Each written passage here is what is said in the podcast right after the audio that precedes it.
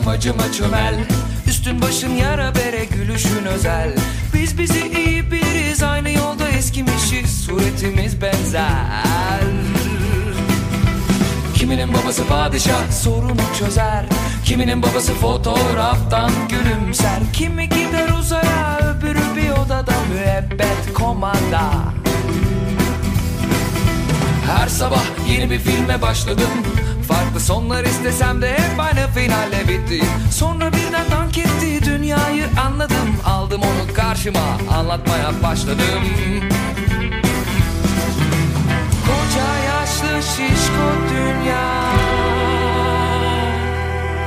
Koca yaşlı şişko dünya.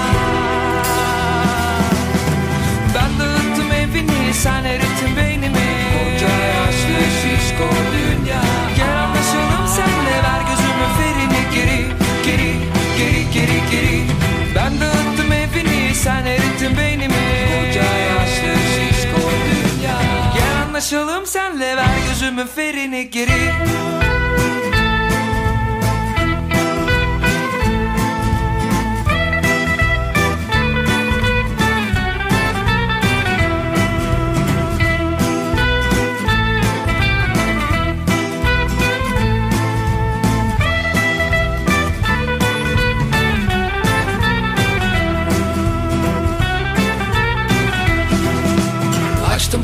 ağzımı çöp kutusu kapağı. Sevdim kızdım delirdim. Dikkatsizler piriydim. Işıkları kapadım. Sabaha geri saydım.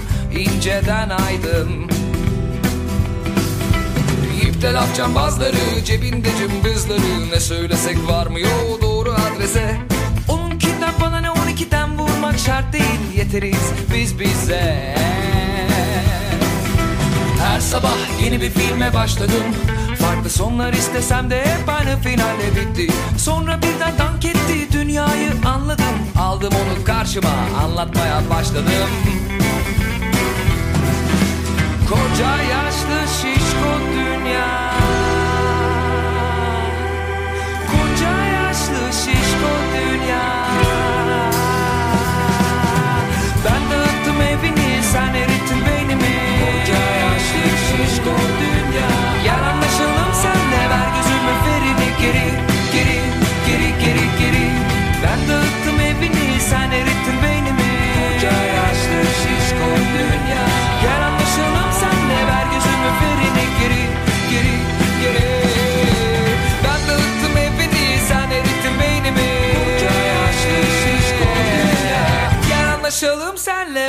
kemur fyrir nýgeri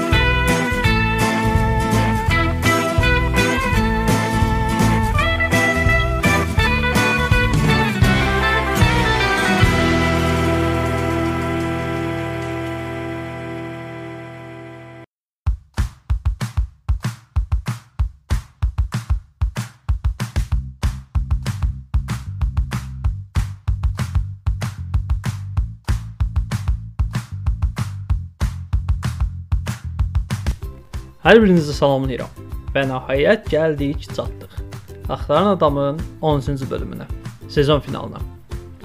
Bir neçə bölüm əvvəl bu haqqda dəfələrlə dedim, neçə bölüm əvvəl məlumat verdim sizə ki, 13-cü bölümdə sezon finalı eləyib uzun bir fasiləyə çıxacaq. Hardasa 1 il, 1 il yarımlıq bir fasiləmiz olacaq. Sonra davam edəcəyik. Bu bölüm ə, xüsusi bir qonağımız yoxdur ya da ümumi bir danışacağımız mövzu yoxdur. Hə, xüsusi olaraq danışacağımız bir mövzu yoxdur. Ümumi söhbət eləyəcəyik sizlə, danışacağıq. Köhnə bölümləri yada salacağıq. E, müəyyən qonaqlarımızın səs yazmaları var. Əlimizə gəlib çatan e, onları səsləndirəcəyik. Ə, əslində dünən çoxlu sayda məktublar aldıq, mesajlar aldıq. E, Facebook səhifəmizdə, Twitter səhifəmizdə qeyd eləmişdik ki, sabah, yəni bu gün final bölümü olacaq və çoxlu dinləyicilərimizin məktubları oldu, üzülənlər oldu, sevinənlər oldu, bayram eləyənlər oldu. E, bu günü milli qurtuluş günü kimi elan eləyənlər oldu.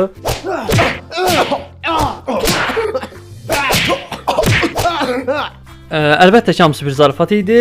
E, yəni bildiyiniz kimi, təxmin elədiyiniz kimi, nə bir mesaj yazan var, nə bir təbrik edən var, nə də bir sağollaşan var. Nə də üzüldüyünü, kədərləndiyini deyən var. Yəni ki, heç dinləyən də yoxdur, yazdığımıza baxan da yoxdur. Əziz dinləyicilər, Axtaran adamın bu gün 13-cü bölümdür. Bir 0-cı test yayımı olub. Ondan sonra 12 bölüm və bu gün 13-cü bölüm. Ümumilikdə 13 fərqli səs yazma. Arada 2 dəfə də canlı yayım eləmişdik. Yəni ikinci bölüm adı ilə 2 dəfə ikinci bölüm eləmişdik ki, müəyyən texniki problemlərə görə onlar səs yazması qalmadığına görə sonradan təzələnən ikinci bölüm adı ilə 3-cü dəfə səs yazma edilib, onu sizinlə paylaşmışdıq. E, həmənki o yadda qalmayan, yaddaşda qalmayan, sizinlə paylaşa bilmədiyimiz 2 dəfə olan səs yazmalarda Atabəy Ağalərbəlli ilə və ikinci bölümdə qonağımız olan Azər İsmailzadə ilə e, biz təhsil haqqında danışmışdıq. E, təəssüf ki, o bölümləri sizə çatdıra bilmədik. Müəyyən texniki problemlərimiz var idi. Hələ o vaxt radionu təzə açmışdıq. Amma ondan sonra e, gəzən adamı qonaq elədik. Baba, nə bilir. Gəldi bizə gəzən adamla danışdı.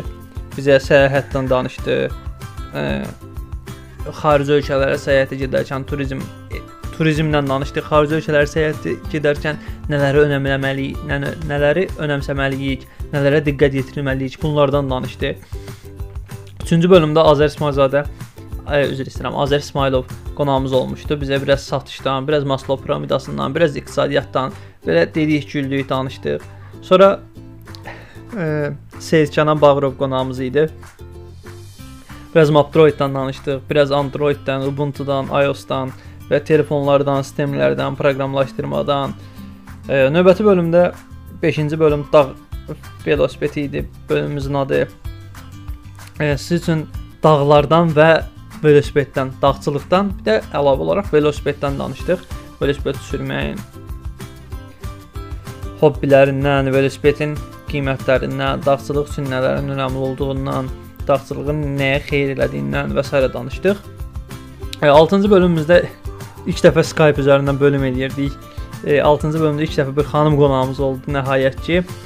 Ülviyə Namazova qonağımız idi. O bölüm şahmat taxtası adlanır bölümün adı. O bölümdə e, şahmat oynamaqdan, şahmat üzrə keçirilən müəyyən yarışlardan, hətta yəni məlumatınız varsa bu yaxınlarda e, Azərbaycanda Bakı 2016 şahmat turniri keçiriləcəkmi, yoxsa başladımı artıq tam dəqiq məlumatım yoxdur. E, istəyənlər yəni maraqlanıb buna da qatıla bilərlər. 7-ci bölümdə e, tən tən ortadaydı. Ən ortancı bölüm idi. Yəni 13 bölümün ən ortasında 6 bölüm o tərəfdə, 6 bölüm bu tərəfdə. Ortada 7-ci bölüm var idi. Fasilə elədik. Nizat Paşazadənin yanına getdim. Açdıq kompüteri canlı yayında YouTube-dan dedik, güldük. O qədər də öyrədici bir şey olmadı, amma fasilə eləmək də arada lazımdır. Növbəti bölümdə 8-ci bölümdə e, Mənsura Novruzova qonağımız olmuşdu. E, qonağımız olan Mənsura Novruzova ilə bərabər Kainata Səyahət 42 adlı bölümdən danışmışdıq, kainatdan danışdıq, planetlərdən danışdıq. Bu tip önəmli şeylərdən danışdıq. E, buna aid e, Mənsurənin bir səs yazması var, bizə bir mesajı var. Onu sizin üçün çatdırıram hal-hazırda indi. Sizin diqqətinizə çatdırıram. Yenidən Axtaran Adam radiosunda səsimi eşidən hər bir kəsi salamlayıram. Axtaran Adama qonaq dəvət etdiyinə və e, sezon finalında qonaq olmuş hər bir şəxsin fikirlərinin səsləndirməsinə şərait yaratdığına görə Müzəffərə təşəkkürümü bildirirəm. Mənə görə radioda aparıcı olmaq, e, radioda qonaq olmaqdan daha asandır. Hətta indi e, səs yazdı etmək mikrofon qarşısında çıxış etməkdən daha asan gəlir mənə. Ondan da asan olanı isə Hazır bölümləri dinləmək var. Əminəm ki, bir bölüm belə dinləmiş şəxs nəsə əldə edib, nəsə qazana bilib.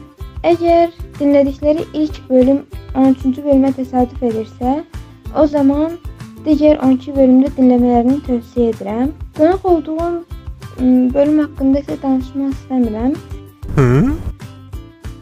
8-ci bölümü dinləyənlər nədən danışıldığını bilir. Ə, əsas olan nədən danışıldığı yox, geriyə nələrin qalmasıdır.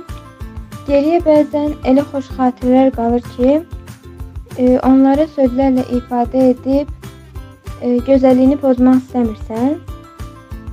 Axtaran adama ə, qonaq olmağım da sözlə ifadə etmədiyim, sözlə ifadə edib gözəlliyini pozmaq istəmədiyim xoş xatirələrdən biri oldu.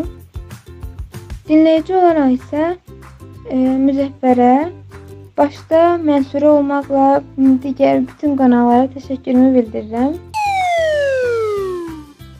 Axtaran adamın e, qısa fasilədən sonra yeni bölümlərlə yenə bizimlə olacağına inanıram və uğurlar arzu edirəm. Mənsurəyə bu səs yazma üçün təşəkkür edirik. Növbəti bölümümüzdə sizin üçün e, deməli 9-cu bölümümüzdə biz e, Galaktik Səs adlı bir bölüm elədik. Lalə İbrahimzadə ilə bərabər o haqqda danışdıq. E, nebula əsasən nebula üzərindən başladıq. Astronomiya, astrofizikanın fərqi, yəni gələcəyin NASA-lara intervyu almaq haqqında məlumat verdik. Teleskopun qiymətlərindən qısaca danışdıq. Hansı planetləri e, hansı planetlər haqqında hansı bilgilərin Lalənin Lalənin bizə bölüşdüyünü bilmək istəyirsinizsə, həmənki bölümü dinləyə bilərsiniz. E, Lalənin də bizə bir səs yazması var. Səs yazma göndərib, sağ olsun bu bölümümüz üçün o da öz fikirlərini bizim üçün göndərib, həm fikirlərini, həm də təkliflərini. İndi isə icazənizlə Laləni dinləyək. Əvvəlcə axtaran adam və axtaran adam dinləyicilərini salamlayıram. Bu gün axtaran adamın sezon bölümüdür. Axtaran adam dinləyicilərinə və yaxud da ki, bu bölümü birinci dəfə dinləyib yəni ilk dəfə axtaran adamla tanış olanlara məsləhətim olardı ki, adam bundan əvvəlki podkastlarını endirib dinləsinlər. Muzaffər əfəndi ilə öz bölümümüzdə Galaktik səsdə bu haqqda qısaca danışmışdıq. Yəni yolda gedərkən, universitetdən evə gedərkən müəyyən qədər ə, e, avtobusda, yəni olarkən vaxt itkisi olur. Bunu podkastları dinləyib e, daha səmərəli keçirmək olar. Axtaran adamın hər bir bölümü maarifləndirici, müəyyən ixtisaslara aid podkastlardır. Ümumiyyətlə, yəni yalansa var, mühabbət teoriyası və ya da ingiliscə olan podkastları endirib qulaq asmaq özünüzü inkişaf etdirməyə yəni kömək ola bilər. Müzəffər əfəndi düz demişdi, biraz qeyri-rəsmi olsun, danışıq, məsləhət. Dinləyicilərə məsləhətim olardı ki, çoxlu kitab oxusunlar, elmi kitablar oxusunlar, bədii, ən çox elmi deyərdim. E, özlərini inkişaf elətdirsinlər, yeni növ musiqilər dinləsinlər, teatra getsinlər, dünya görüşlərini artırsınlar. Əsas Axtın adam e, podkastını dinləsinlər. Müzəffər əfəndinin özünə isə uğurlar arzu edirəm. İnşallah gələcəkdə e, radiosu, podkastı canlı radio olar, FM olar. Biz onu dinləyərik. Uğurlar arzu edirəm. Hə əziz dinləyicilər, e, Lalənin də qeyd etdiyi kimi, əgər bu bölümdən başlamısınızsa dinləməyə, e, köhnə bölümlərimizə qayıdıb köhnə bölümlərdəki səs yazmaları dinləyə bilərsiniz. E, istəsəz, yəni hansı bölümü daha çox bəyənirsinizsə, adına ya da mövzusuna uyğun olaraq həmənki bölümü dinləməyinizi məsləhət görürük. E, deməli, yəni 2 dənə səs yazmamız qonaq qonaqlarımızdan idi, amma o demək deyil ki, sadəcə sırf qonaqlar biz qonaqlarımız var və dinləyicimiz yoxdur. Dinləyicilərimizdən də əlbəttə ki, mesajlarımız var. Onları da sizin üçün çatdıracağıq. E, deməli, sırf bu iki bölüm haqqında olan bir mesaj var. İndi Tərlan Kərimlinin mesajıdır. Onu sizə çatdırıram. Salam Yüzə Tanrı Müzəffərov. Danışan sənin sədaqət və dostluq tanrın Tərlan usta. Veriliş baradan deyə bilərəm ki, hərbi xidmətə getdim və gələndə artıq gördüm ki, dedim sən artıq ağlındakı fikirləri reallaşdırmısan, hansı ki axtaran adam layihəsini həyata keçirirsən və artıq bunun bir neçə buraxılışı yayımlanıb.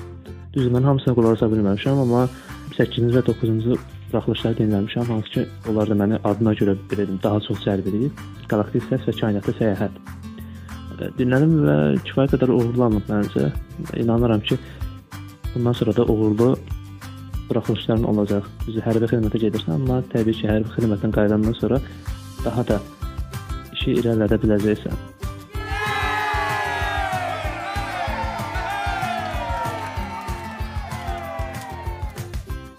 Deyirdim, e, təşkilim ondan ibarətdir ki, e, bu layihə ilə bu belə deyim verilişə daha çox dedim, məşhur adammı yoxsa elmə məşğul olan elmi insanları mı dəvət eləsəm daha yaxşı olur çünki insanları daha çox məncə belə şəxslər cəlb edir, daha çox verilişə belə insanlar daha çox maraq cəlb edirlər. Bu qədər təşəkkür edirəm. əlbəttə ki, ə, təklifləri və yaxud iradları nəzərə alırıq. Ə, əgər Tərlan önəmli əsas olaraq 8-ci və 9-cu bölümləri dinləyibdi. İndi digər bölümləri çatanda o haqqda bir şey qayıdacağam. Tərlanın dediyi məsələyə qayıdacağam. Amma əvvəlcə demək istəyirəm ki, istəsəz 10-cu bölümdə Mirəziz Əliyevlə bərabər ə, enerjinin gücü adlı bölümümüzdə Tesla kimdir, nələr edib, ümumiyyətlə Tesladan, enerjidən, elektrikdən, ə, biraz da Pokemon Go-dan söhbət eləmişdik. İstəyən olsa o bölümə qulaq asar. 11-ci bölümə gələndə isə sağlam uşaqlar bölümü idi. E, Tərlan qeyd elədi ki, yəni indiyə qədər gələn qonaqlar hamısı öz sahələrində müəyyən qədər işləmiş, təcrübəsi qazanmış adamlar idi, amma e, belə bir məsələ var idi də. E, 3-4 ildir bu iş üzərindən işləyən adamlar idi. Amma 11-ci bölümün qonağı artıq 10 illərdir bu işlə məşğul olan bir qonaq idi. E, bizim bir həkim idi. E, qonağımız olmuşdu. O 11-ci bölümdə bizlə bərabər danışmışdı, suallarımıza cavab vermişdi və öz bildiyi məlumatları da mümkün qədər sizə ötürmüşdü. İstəyən olsa həmənki bölümü də dinləyə bilər və gələcək illərdə çalışacağam ki, daha çox bu tip qonaqlara üstünlük verim ki, e, onların təcrübələrindən yararlana bilək. Bilək. Hə əziz dinləyicilər, belə gedir. E, deməli hardasa 1 il, 1 il yarım fasiləmiz olacaq. E, bu fasilə ərzində istədiyiniz vaxtda hansı nə zamansa bölümlərimizlə rastlaşmısınız və bizi dinləmisinizsə, öz fikirlərinizi səs yazma şəklində və yaxud mesaj şəklində bizə göndərə bilərsiniz. Məsəl üçün mesaj kimi də fikirlərini bizə çatdıran şəxslər var ki, onların indi mesajlarını səsləndirəcəyik, sizə çatdıracağıq. Bilin. E, İncə Əliyeva var. Dinləyicilərimizdən biri. Belə bir mesajı var sizə. Getdiyiniz yolda axtardığınız hər nə sonu tapmaq tapmadıkca dayanmayın. İndi həvəskar olduğunuz hər hansı sahədə professional olana qədər əlinizdən gələni edin. Bəlkə 5 il, bəlkə 25 il sonra, amma istədiyiniz şeyi gerçəkləşdirmədən ölməyin. Mən də ümid edirəm, ümid edirəm ki, xəyallarınızın ardınca gedərsiniz və ən əsası bir gün o xəyallarınızı reallaşdırarsınız. E, Bir qonağımızın da mesajı var. Qonağımızın mesajını da sizə səsləndirib sonra mahnı fasiləsinə keçəcəyik. İndi Tazlaq Alarbəylinin bizə göndərdiyi mesajı dinləyək. Axtaran adam normalda görmüşük ki, hər hansısa bir proqram və ya veriliş 9 ay getsin, 3 ay fasilə eləsin. Sən 3 ay getdin, indi 1 il fasilə, tabu tabu. Get. Sezon finalı deməyək biz bunun əslində. Məncə bu sezon finalı deyil. Axtaran adamın axtarışıdır. Axtaran adam indi gedir özünü axtarmağa. Get axtar, ümid eləyirəm taparsan. Biraz əskərlikdə ağlın başına gələr. Bir çox şəkildə ən dəyərli insanlardan birisən, dinləyicilərindən biri üçün. Uğurlar. Bütün dinləyicilərimizə və bütün qonaqlarımıza təşəkkürlərimi çatdırıram. Bizi dinləyən bütün dinləyicilərə xüsusi olaraq təşəkkür edirəm. Bu yolda yəni bizə qədər gələn, bizim bölümlərimizlə bərabər bizimlə olan dostlara təşəkkür edirəm. Bir də əlavə istəyən olsa, yəni e, dinləməyinizi məsləhət gördüyüm digər bölüm isə 12-ci bölümdür. Gizli yazarlar adlı bölümdür. Orada Pəri və Ayanla bərabər e, biz daha çox e, Azərbaycandakı həvəskar yazıçılardan, onların işlədə biləcəyi sistemlərdən, o sistemin ona, bat-bat sistemin onlara verdiyi xeyirlərdən və s. danışdıq. İstəsəz o bölümü də dinləyə bilərsiniz. Belə köhnə bölümlərimiz belə idi. Ə, əgər bizə mesajlarınız və yaxud fikirləriniz varsa, səs yazma şəklində, mesaj şəklində, istədiyiniz bir formada, hətta istəsəz videolu şəkildə ə, Instagram hesabımız olmasa da digər hesablarımız var. Ask.fm olsun, Facebook olsun, Twitter olsun, YouTube-da video listimiz var. Oradan bizə göndərə bilərsiniz və yaxud da şəxsi olaraq mənim e-mailimi ata bilərsiniz. müzəffərpaşazadə@gmail.com e-mailini ata bilərsiniz. Hansı ən çox Facebook-u istifadə edəcəksiniz böyük ehtimal. Facebook-dan bizə göndərə bilərsiniz. Bir il ərzində ümid edirəm ki, müəyyən qədər fikirlər yığılar və o fikirləri sizin üçün növbəti bölümümüzdə sezon yeni sezonda, ikinci sezonda səsləndirərik. İndi isə kiçik bir mahnı fasiləsindən sonra burada olacaq. Bizi dinləməyi unutmayın. Əvvəla hamını salamlayıram və e, bütün Axtaran Adam dinləyicilərinə xoş istirahətlər arzulayıram. İnşallah istədiklərinə çatarlar, e, bütün məqsədlərinə e, nail olarlar artıq və təbii ki, məqsədyönlü şəkildə hərəkət etdikdə bütün arzularına çatacaqlar və müzəffərə də bu yolda uğurlar inşallah əskərdən gələndən sonra bu işə tam sürətlə davam edər və biz də ona nə kömək lazımdırsa əlimizdən gələni edərik. Çox sağ olun.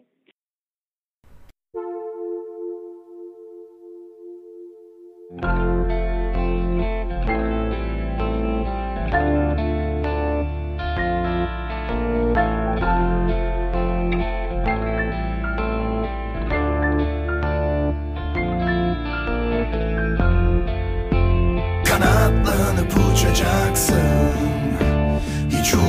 umrunda olmayacak. Dünya. Kanatlanıp uçacaksın Sana. Hiçbir şey engel olamayacak.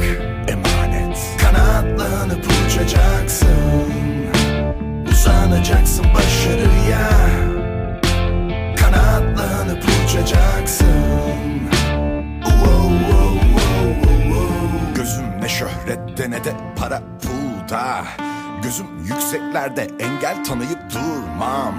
Yarış başlar son sözüm limit gökyüzü 16 yaşımdan beri karadır. Gözüm Kıran kırana bir mücadele için alın teri ve güç mübadele. Etmeli Atlattığın badireler ile fark attığın azmine gelir başarı. İstemekten korkma sakın düşünme sonucunu. Tam bitti gücüm derken kalkar yine boğuşurum. Bu benim dizaynım demedim mi sana yolumuz aynı? Yüzüyoruz akıntılara karşı. Bu bizim özgürlük marşımız. Çekinme farklı olmaktan durmuşken el koşturmaktan. Anneannem Fatma der ki her şey iyidir boş durmaktan Şimdi kalk ayağa ve haykır. Yaşamak güzel Her zorluğa rağmen yağmurun ardından gelen Güneşin çocukları biz umudun çocukları. Hazırsan aç kolları çalıştır kanatları. Aa, Kanatlanıp uçacaksın. Hiç umrunda olmayacak. Kanatlanıp uçacaksın. Hiçbir şey engel olamayacak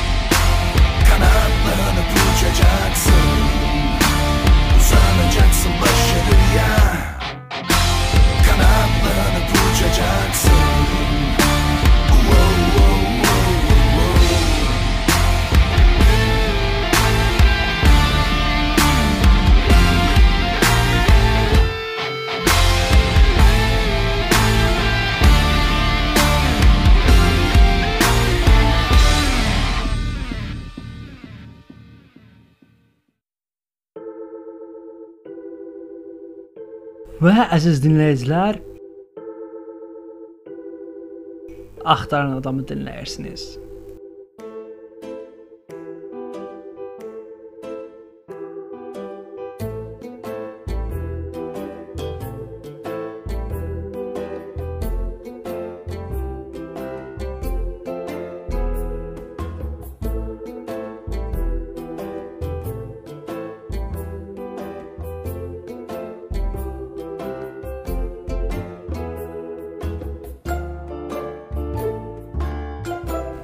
Axtaran adamın 13-cü bölümündəyik.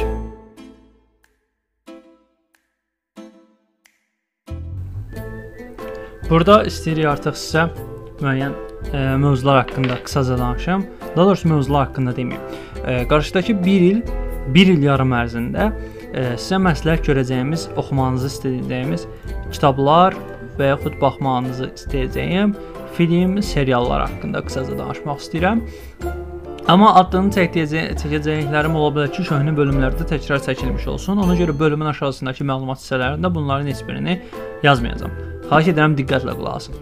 E, oxumanızı məsləhət gördüyüm kitablar söz gəlmişkən belə deyim, e, e, əl- burada qarşımda çoxlu kitab adları var ki, sırf sizin üçün seçmişəm ki, hansılar həqiqətən e, çox maraqlıdır. Oxumanızı çox istəyərdim. O kitabları indi ardıcıl bir-bir sizin üçün deyəcəm ki, mümkünsə o kitabları oxuyarsınız. E, ardıcıllıq mənasında bu dedi, bu mənada dedim ki, yəni kitabları deyəcəm, sonra e, filmlərə keçəcəm. Yəni bu kitabları ardıcıl oxumağınız məcburiyyətində deyilsiniz. Hansısa oxumusunuzsa, lap gözəl, oxumamısınızsa, oxumaq istəyirsinizsə, oxuya bilərsinizsə, oxumağınızı məsləhət görərdim. E, yəni burada e, Otosopçunun Galaksi rəhbəri var, Douglas Adamsın. Onu keçən bölümdə səsləndirmişdim. Tevfikuyarın Tek kişilik firar, İzodası adlı 2 dənə bilim kurgu romanı və bilim kurgu hekayələr toplusu var. Stephen Hawkingin kitabları həqiqətən çox maraqlı kitablardır ki, böyük tasarım onlardan biridir. Məsləhət görərdim. Carl Saganın bir çox elmi kitabları var. Artıq elmi kitablara əliniz çatırsa, ala bilirsinizsə, mümkün olursa, oxuya bilirsinizsə, oxumağınızı məsləhət görərdim. Deyilsə ən azından bədii kitabları tək bədii kitab olan mesajı mesajı e, oxumağınızı məsləhət görərdim. Carl Sagan kitabını. E, bundan sonra əlimizdə Kurt Vonen Vonnegut var. E, Türkçəsi Mezhaba nömrə 5-dir. Numara 5. E, bu şey uşaqların səlib yürüyüşü və ya nömrə 5. Nəsə nömrə 5. Tam ağlımda idi. İndi yadımdan çıxdı adı. Kitabın adı. Uşaqların səlib yürüyüşü və yaxud Sallaxxana.5 nömrə 5. Həmin kitab Hermenessenin Siddhartası olsun, Demianı olsun, Yalqızağı olsun, Kunulup olsun, bunları məsləhət görərdim. Jocelyn Gardenin, Rostein Gardenin Sofinin Dünyası kitabını məsləhət görə bilərdim. Oxuyarsınız, mükəmməl kitablardan biridir. Ryan Bradbury-nin e, Fahrenheit 451 kitabı məsləhətli kitablardandır. Oxuyun, həqiqətən maraqlı kitabdır, bəyənəcəksiniz. John Verdonun 4 dənə qəşəng kitab silsiləsi var ki, başında aklında bir sayt tut gəlir. Onu məsləhət görərdim. Digərlərinin artıq e, sizə qalıb əgər John Verdonun yazı tipini, yazdığı mövzunu ümumiyyətlə bəyənsəz, digər kitablarını da oxuya bilərsiniz. Mario Mazzottinin gördüyünə asla inanması var. Adam Faber'in olasılıqsızsan empatisi var. E, sonra Anatole de Saint-Exupéry-nin Kiçik Prenses Balaca Şahzadəsi var. Onu mütləq oxuyun. O kiçik kitabdır. Balaca Şahzadə kitabı. Alın oxuyun. Sonra da ki məsələ deyiləyin onlar da oxusun. Sonra başqa bir adamın Alan Linkmanın Einstein'in düşləri adlı bir kitab var ki, super bir kitabdır.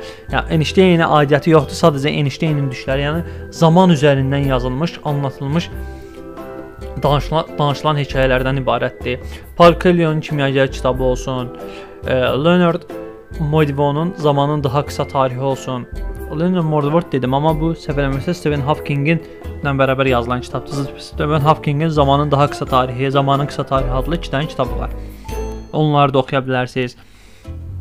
Tamer Demirdelenin Beyin Oyunları adlı kitabı olsun. Sonra Andy Weir'in Marslı kitabı olsun. Həqiqətən çox maraqlı kitablardandır. Elif Kafın kitablarına göz ata bilərsiniz. Pinhanı məsəl üçün məsləhət görərdim sizə. Şemis Bariyan məsləhət görə bilərdim. Neil Germanın Mezarlıq kitabı var. Həqiqətən çox maraqlı kitablardan biridir. E, Paulo Coelho'nun Zahiri kitabı, Sabahattin Ali'nin Kük Manto e, Madonnalı Kük Mantolu Madonna kitabı olsun. E, Orhan Pamuk'un kitablarında da maraqlı kitabları var. Beyaz Kıl olsun. Benim adım Qırmızı olsun. Həqiqətən maraqlı kitablardır. Frans Kafkanın kitablarına göz ata bilərsiniz. Dönüşmü, çevrilişi oxuya bilərsiniz. Məhkəməni oxuya bilərsiniz. E, Philip K. Dick adlı disk adlı biri var. Androidlər elektrikli koyun düşləməz. Düşlər. Üzr istəyirəm. Androidlər elektrikli koyun düşlərmi adlı kitabı. O məsləhətli kitablardır. Robert A. Henley'nin e, İkiz yıldız olsun, Uzayda kaybolmalar olsun və digər başqa əsərləri olsun ki, bilim kurgu əsərləri var elmi fantastika. Onları oxuya bilərsiniz. Johann Katzenbergin e, şizofreni və yaxud digər Win var bir şizofren əsəri. Başqa adamındır. Tam indi ağlıma gəlmədi adı. Onun şizofren əsərini oxuya bilərsiniz. İshaq Aşimovun elmi fantastika əsərləri var. Onları göz ata bilərsiniz. Yəni belə Frans Kafkanın məhkəmə əsərini dedim. Steven Zweig'in Satranç var. Türkçədə, Azərbaycanca yoxdur, səhv eləmirəmsə, e, şahmat e, sırf şahmat haqqında deyil, bir gəmidə baş verən şahmat oyunu haqqındadır. Çox maraqlı əsərlərdən və qısa əsərdir. Oxuya bilərsiniz. George Orwell-in 1984 namı məsləhət görür, amma təəssüf ki, oxuya bilməmişəm. Heyvanistanı sizə məsləhət görə bilərdim ki, onu oxuyarsınız. E, yəni bu formada bir çox kitablar var ki, oxumağınızı məsləhət görərdim. E, Robert A. Heinlein bayaq dediyim kitabların arasında Kaybolan miras da var. Bu qədər. Kitablar məncə adlarını bu qədər çəkdim yetər. Filmlərə baxanda maraqlı film çoxdur. Baxmağınızı istəyə biləcəyim maraqlı film çoxdur. Məsələn, Up var, yuxarı, türkçədə adı yuxarı, sonra Amelia var. O filmlərə baxa bilərsiniz. Aquilonlar var və For Vendetta var. Yəqin ki, çoxunuz baxmısınız. Məsləhətli filmlərdəndir. Kitab oğrusu, Mr. Nobody. Ə, sonra Qaynaq kitabı var. İngiliscəsini tapıb deyə bilmədim. Foundation. Fontaine. Fontaine. The Fontaine. Həqiqətən mükəmməl filmlərdən biridir. Lucy özü olsun, Prometheus olsun, Predestination, Destination, Predestination olsun. E, tələffüzlərim üçün üzr istəyirəm. Oblivion olsun, e, bilim kurqudur. 20 Monkey filmi olsun. Maraqlı filmlərdən biridir. Val-E filmi olsun, robota aid maraqlı bilim kurgu, e, elmi fantastika. Animasiya filmdir, animasiyalı filmdir. Ona baxa bilərsiniz. E, şizofreniya aid axtarsınızsa Zindan adasına baxa bilərsiniz, Makinistə baxa bilərsiniz. E, maraqlı qaçışıq bir film istəyirsə Triangle Movie, Triangle-a baxa bilərsiniz. Bilim kurğudan yenə elmi fantastikadan Elysium var. Bu PK-nın o ölkəsi yadımdan çıxdı oğlanın. PK filmi var və yaxud başqa gözəl filmlər var. Həmənki Yerdəki Yıldızlar filmi olsun, PK olsun. O filmlərə və digər filmlərin 3 idiot olsun, onlara baxa bilərsiniz həmənki adamın filmlərinə. Interstellar-a mütləq, mütləq baxın. Equalizer var. I Origins var. Gözlərə aid bir filmdir. Inscription, yəqin ki, çoxunuz baxmısınız. In the Wild. Ə, sonra Alien seriyasına baxa bilərsiniz və yaxud seçib sadəcəsindən Prometheus-a baxa bilərsiniz. Unseni, Uncanny var, ya da Her var. Ex Machina var. Ex Machina'nın Unhani biraz e, yapay zəkaya aiddir. Her daha doğrusu yapay zəkaya yox, artıq yapay zəkanın insan versiyası yox, e, elektronik versiyasına aiddir Her. Sherlock Holmes-a baxa bilərsiniz, maraqlı Həqiqətən pianistə baxa bilərsiniz, Martian, Marslı filminə yaxud kitabını oxuya bilərsiniz, yaxud filminə baxa bilərsiniz, Everestə baxa bilərsiniz. Bunların bəzilərini sizə köhnə bölümlərdən də məsləhət görmüşdük, onlara baxa bilərsiniz. Baxmağınızı, əgər mümkünsə baxmağınızı istədiyimsə, 2 dənə həqiqətən serial var, mükəmməl seriallardan. Əgər mümkün olsa həqiqətən baxın onlara. Biri The 100 serialıdır. Əvvəli maraqsız başlayır. Yəni türkçədə bir ərgən filmi deyək, o formada başlayır. Amma ikinci, üçüncü sezonu super gedir. Axırı da gedir bilim kurguya. Bax spoiler verirəm. Axırı gedir bilim kurguya gedir, çıxır. Yəni elmi fantastikaya. Baxın, həqiqətən çox maraqlıdır. Bir də mənim ən sevimli serialım e, 20 Monkeys, 12 meymun. E, filmini bayaq məsləhət görmüşdüm. Birinci filminə baxın, sonra serialına baxarsınız. Bu formada ümid edirəm ki, e, yay tətilinizdə və sonrasındakı 1 il ərzinizdə bizim köhnə bölümlərimizi də dinləyərsiniz, mümkün olduqca fikirlərimizə eşidərsiniz. Verdiyimiz məsləhətlər əgər sizə sərf eləyirsə, əməl edərsiniz, sərf eləmirsə, qulaq ardı eləyin, getsin. o qədər də ciddi almayın. Əsas odur ki, e, deyin, gülün, kef eləyin. E, bu bölümü yekunlaşdırmaq üzrəyəm. Artıq hətta belə deyim, bu sezonu yekunlaşdırmaq üzrəyəm və indi səsləndirəcəyim mahnı sezonun ən axırıncı mahnısıdır. Deməli, ə, e, o məsləhət gördüyüm seriallardan stat gətirəcəm. Birincisi 12 meymun serialında idi ki, orada zamanda keçmişdə dəyişiklik eləyəndə zaman üzərində yolculuqdur. Gələcəkdəki zamana təsir edir və bəzən dəyişir, bəzən dəyişmir. Amma dəyişmə ehtimalı həmişə olur. Ona görə də gələcəkdə olan adamlardan biri başqasını öldürəndə həmişə deyir ki, yenidən görüşmək üzrə. Çünki ola bilər ki, keçmişə qayıdıb zamanı təzədən dəyişdirəndə gələcəkdə səni ölmüş kimi ya da başqa zamanda nə başqa yerdə olduğuna görə indi hal-hazırda yaşayırmış kimi görə bilərik. Yenidən görüşə bilərik. Zaman yenidən kökdən dəyişə bilər və hər şey təmiz dəyişə bilər və səni yenidən görmüş ola bilərik. Kimi bir fikir var idi ki, yəni öldürüləndə ən çox ona üstünlük verirlər ki, yenidən görüşmək ümidi ilə. Bir də e, bu The 100-də bir söz var da, yəni ölənə deyirlər, biri sağollaşanda, ayrılıq olanda və ya nəsə olanda ya da kimsə öləndə deyir, Ancaq da o seriala baxanda Lincolnu tanıyasınız. Lincoln öləndə deyirdi.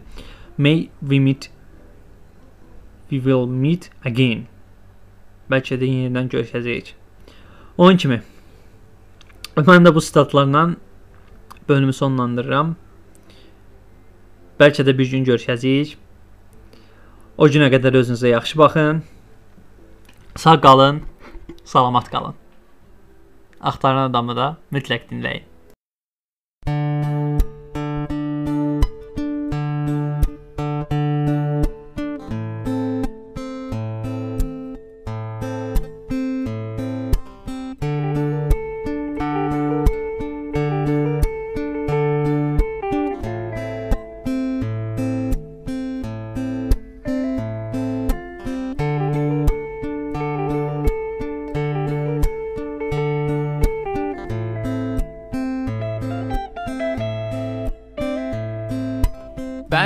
Yaşım, sekiz çizer ayaklarım. Özlemişim sarhoşluğunu bu semtin sokaklarının.